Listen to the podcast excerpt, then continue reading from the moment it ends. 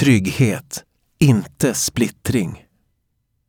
Att välfärden omfattar alla som bor i vårt land har länge varit en viktig del i det som gjort Sverige till ett tryggt och jämlikt land. Nu ifrågasätter högerpartierna den idén. I dagens ekonomi ses värdet i en människa i hennes förmåga att producera. Och högerns politik går ut på att angripa invandrare, sjuka, arbetslösa och personer med funktionsnedsättning och att begränsa vår tillgång till välfärden. Högerns idé är att invandrade, sjuka och arbetslösa är lata och om vi får det sämre så tvingas vi prestera bättre. Samtidigt har de en idé om att det absoluta toppskiktet måste få det bättre genom sänkta skatter, bonusar och andra morötter för att de ska prestera mer. Det är en haltande logik och en politik som skapar konflikter och misstro mellan människor. Möjligheten att bo bra till en rimlig kostnad har spelat en viktig roll i det jämlika samhällsbygget. Men efter att också bostäderna lämnats åt marknaden ökar bostadsbristen, boendekostnader och segregation. Byggtakten har hållits nere för att bostadspriserna ska fortsätta att stiga.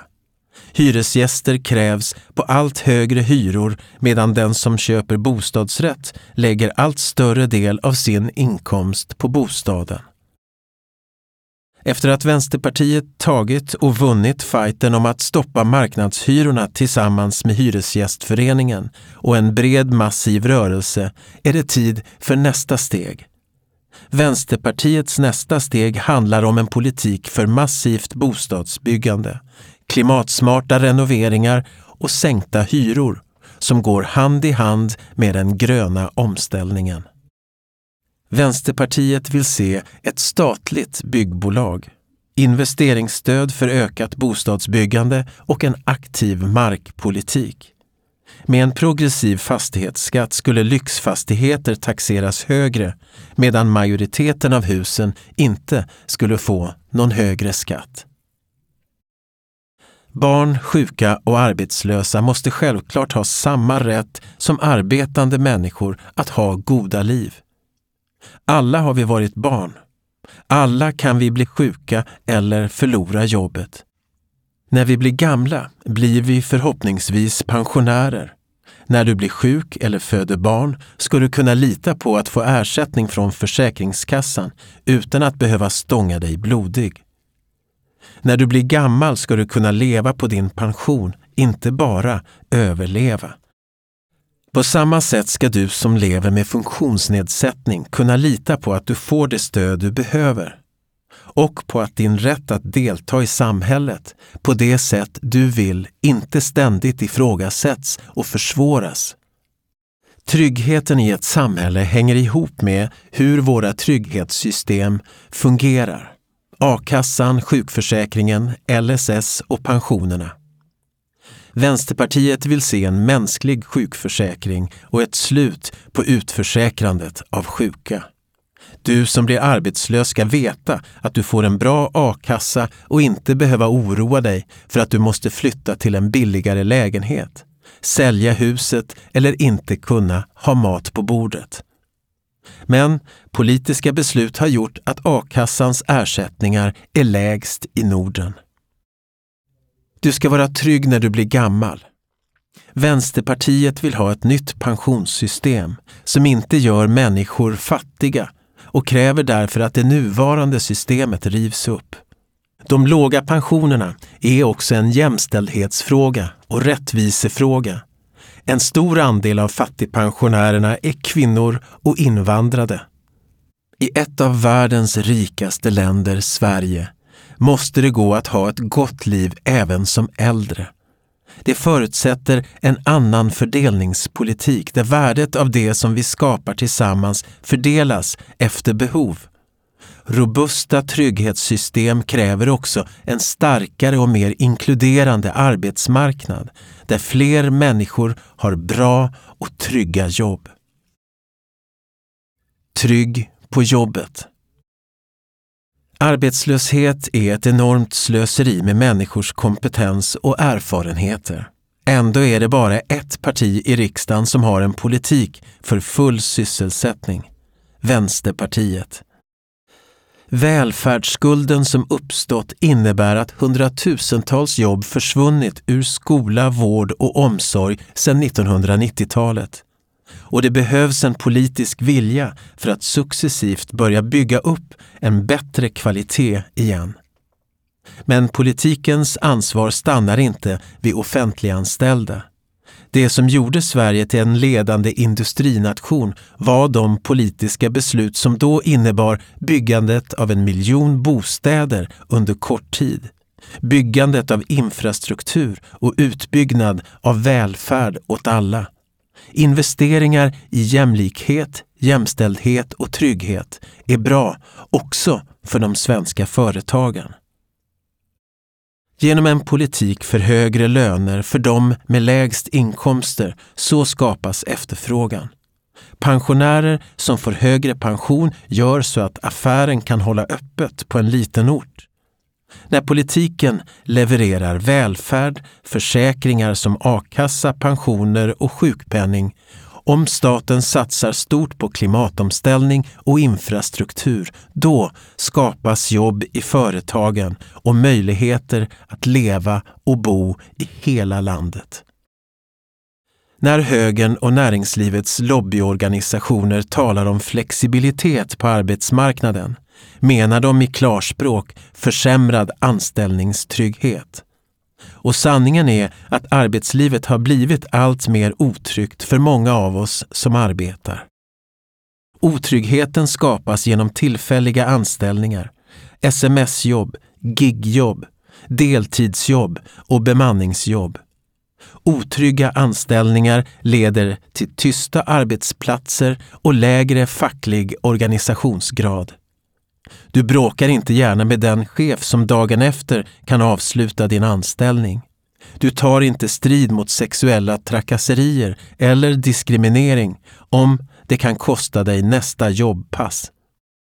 Få av oss väljer den osäkra arbetssituationen frivilligt. De flesta av oss vill ha en viss trygghet för att kunna planera våra liv, skaffa en bostad, kunna ta semester eller veta att vi lugnt kan sätta barnen i skola utan att behöva flytta från orten inom några år. Samhällsutvecklingen går stick i stäv med människors behov. Sedan förra valet har andelen unga som tycker att kollektivavtal och fast anställning är viktigt ökat kraftigt. Anställda med utländsk bakgrund är överrepresenterade i osäkra, lågbetalda och stressiga jobb.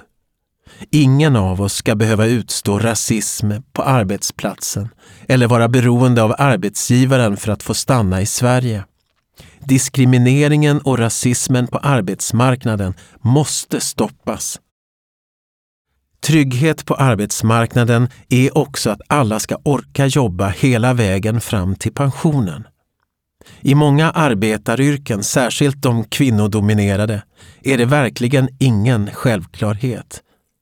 Arbetslivet måste utvecklas och arbetstiden förkortas.